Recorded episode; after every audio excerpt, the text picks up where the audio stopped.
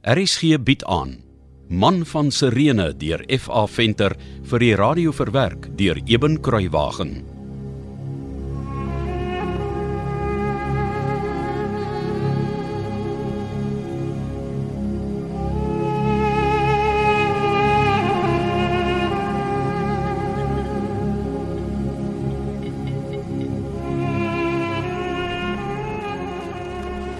Dankie, Here, God van Israel, vir elke hongerslaaf wat U na my stuur, sodat ek hom 'n muntstukkie in die hand kan druk.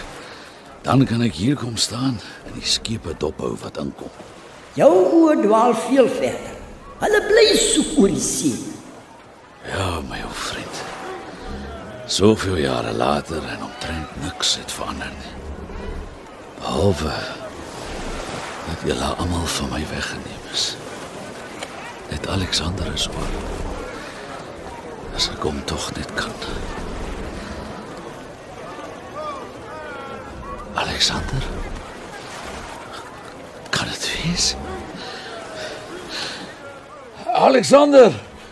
Alexander! Wie gee jou die reg om so my aan te spreek, ou man? Slawe hoort nie waar offisier aan wal stap nie. Gee pad. Jy's reg. Jy het 'n groot belangrike man geword. Gesagvoerder van 'n baie groot skip. Ek praat nie weer nie. Wil jy ek moet jou laat arresteer? En Simon van Sirene het, nes jy sê, 'n slaaf geword. Wat het jy gesê, ou man? Het ek reg gehoor? Het jy gesê Simon van Sirene?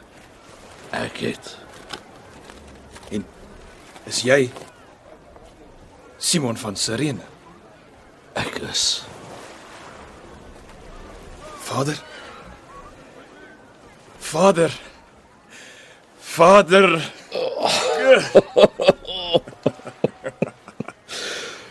Alexander. Alexander. Ek het so lank vir jou gewag. Maar iets so verander. So oud geword. Ja, ja, ek het oud geword, ja. Oud en swak. En en waar's moeder en Rufus en Esegiel? Leef hy nog? Vader, wat maak keer? Ons kan later daaroor praat as ons alleen is. Maar Eh, Nie nou nie. Asseblief my seun. goed. Ek wil net gou my vrag laat inklaar dan gaan ons huis toe. Ek het 'n huis hier in Ostia. Vader moet rus en eet en ons moet praat. Ons moet baie praat. Ja, ons moet.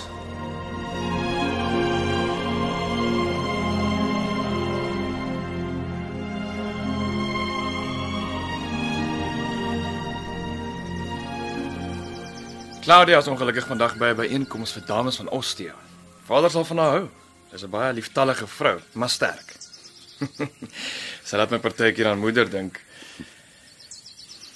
Is dit nou die tyd om te vra waar moeder en Rufus is? amper. Jy het 'n baie mooi huis, my seun. Dankie Vader. Nog wyn? Nee, dankie. Ek eh, ek het vir eers genoeg gehad.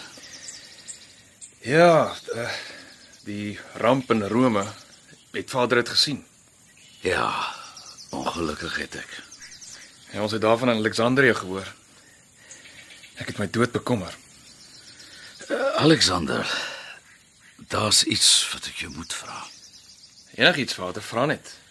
Ek hoop jy's honger want al kan ek Vader ook net een goeie maaltyd gee, sal dit vir my 'n groot voorreg wees.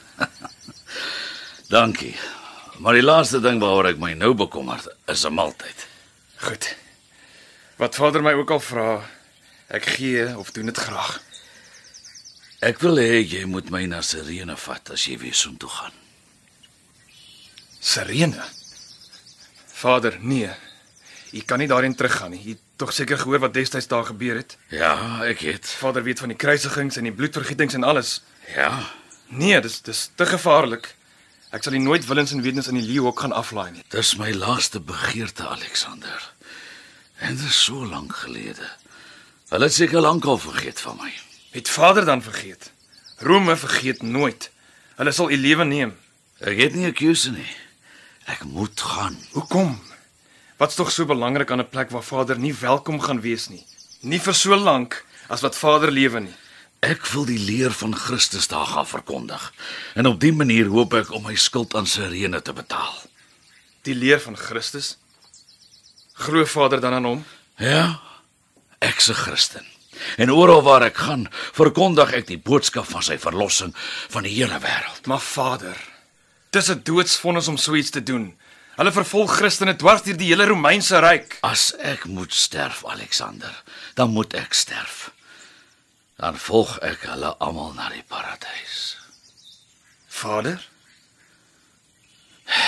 Jou liewe moeder en jou broer Rufus en sy pragtige vrou Maria het al drie in die arena in Rome gesterf. Liewe Jupiter, nee, nie in die arena nie. Ja. Ek en die Segio was net 'n dag te laat om hulle te red. Daardie vieslike dier van 'n Nero. Mag die gode hom vervloek tot in alle ewigheid. Mag hy vermink word soos hy ander laat vermink. My seun. Daar staan geskrywe: Aan my kom die wraak toe, sê die Here God. Hierdie hele bose spel van Nero is afskuwelik. Afskuwelik. Hoe kan Vader my ooit vergewe? Ek is saam met Nero skuldig want ek's deel van Rome en ek's nog boonop met 'n Romeinse vrou getroud ook. Jy is aan niks skuldig nie, my seun. En ek haat lank nie meer nie. 'n Romein kan goed of sleg wees en 'n Jood kan goed of sleg wees. Dis nie Jood teen Romein nie. Dis goed teen kwaad. Dit het die jare my geleer. Dankie Vader. Baie dankie. U's waarlik 'n wyse man. Nie my wysheid nie. Dis wysheid gebore uit die liefde van die volmaakte lam van God, Jesus Christus, die verlosser van die wêreld. Dit is hy wat ek in Sirene wil gaan verkondig. Vader, asseblief. Bly hier by ons. Toe. Claudia sal baie goed vir u wees en nie net omdat u my vader is nie. Bly by ons vir die jare wat nog kom. Vader is oud en alleen. Baie dankie my liewe seun. Maar soos ek klaar vir jou gesê het, ek moet na Sirene gaan. Maar hoekom? Iemand anders kan tog die leer van hierdie Christus aan Sirene bring. Nee, Alexander. Toe ek nog 'n groter dwaas was as nou, het ek in Sirene bloed op my hande gekry. En die skuld moet ek gaan betaal. Ai tog Vader. Jou moeder en Rufus en Maria se dood wil ek met liefde gaan heel maak deur vir my verlosser te werk.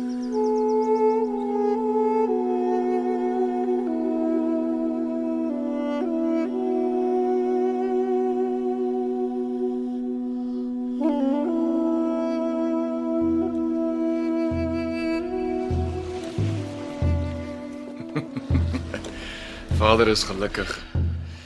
Die see is so kalm, die lamp in die dak swaai skaars. Wanneer is ons daar? Ons behoort kort na dagbreek in Sirene te wees, Vader. Is u seker? Is daar geen omdraai kans nie? Dankie my seun. Ek is seker.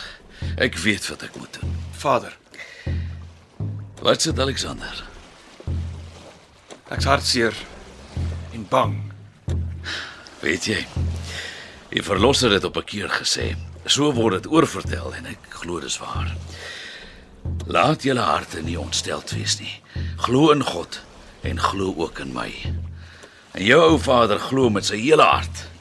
Dis hoekom ek nie bang is om na Sirene te gaan of vir wat daar op my wag nie. Maar Vader was so kort by ons in Ostia.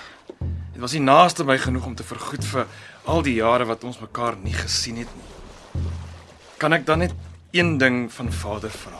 Asseblief. En wat is dit ou seun? Stel net die terugkeer na Sirene uit. Bly by ons vir 'n jaar minstens. En daarna beloof ek sal ek Vader na Sirene bring. Ja, ek weet jy bedoel dit goed. En dankie vir jou opregte liefde. En dat jy vir my so lank in jou pragtige huis met jou dierbare Claudia wil inneem. Maar ek vrees my tyd raak min. Ek moet my skuld vereffen. Vader is so oud en grys.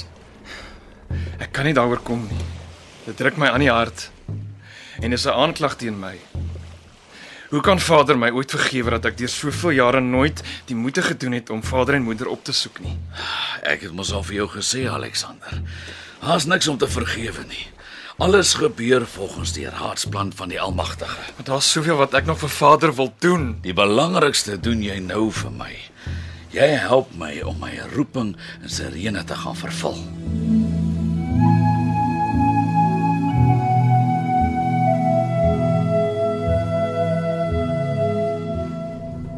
Is alles wel, kaptein?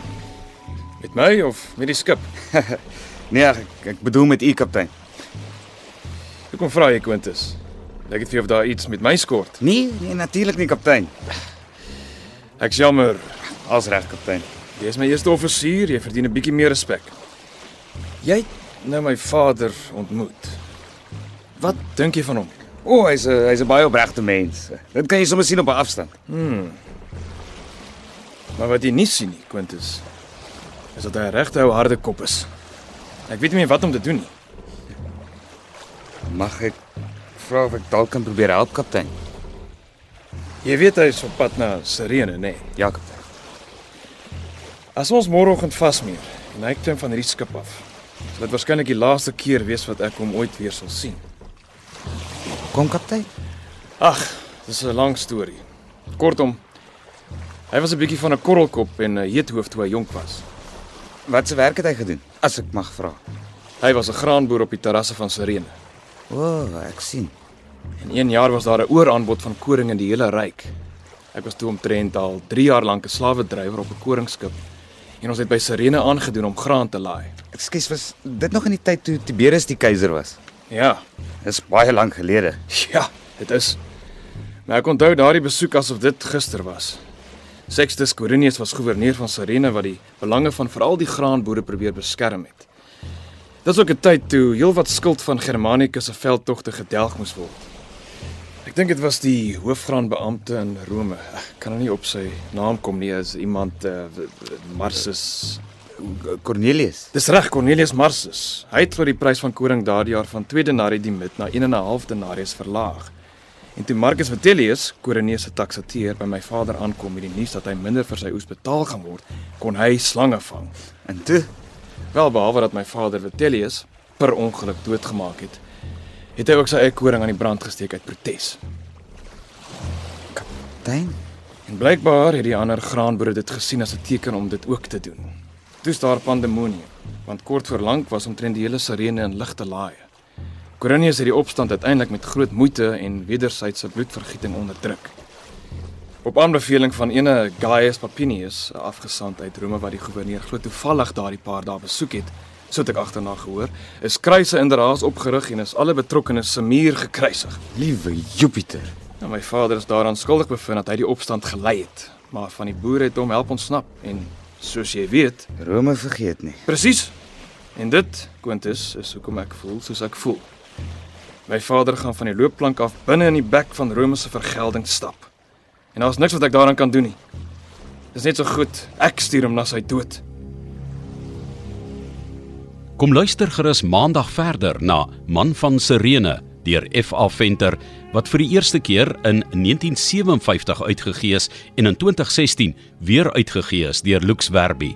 Die spelers hierdie week was Andre Weideman, Simon, Chris Magid, Esegiel, Johan Nel, Festus en beampte 1, Pieter van Sail, Sergus, Waldemar Schultz, die bedelaar, Charlton George, die voorman, Marvin Lee Bekus, beampte 3 en die slaaf, Willem van der Walt, Alexander, de Klerk Olofse, Quintus, Lee Rood, die perdekardrywer en Konradie van Heerden was beampte 2. Cassie Louwers behartig die tegniese versorging. Die verhaal word vir RSG verwerk deur Eben Kruiwagen en in Kaapstad opgevoer onder regie van Joni Combrink.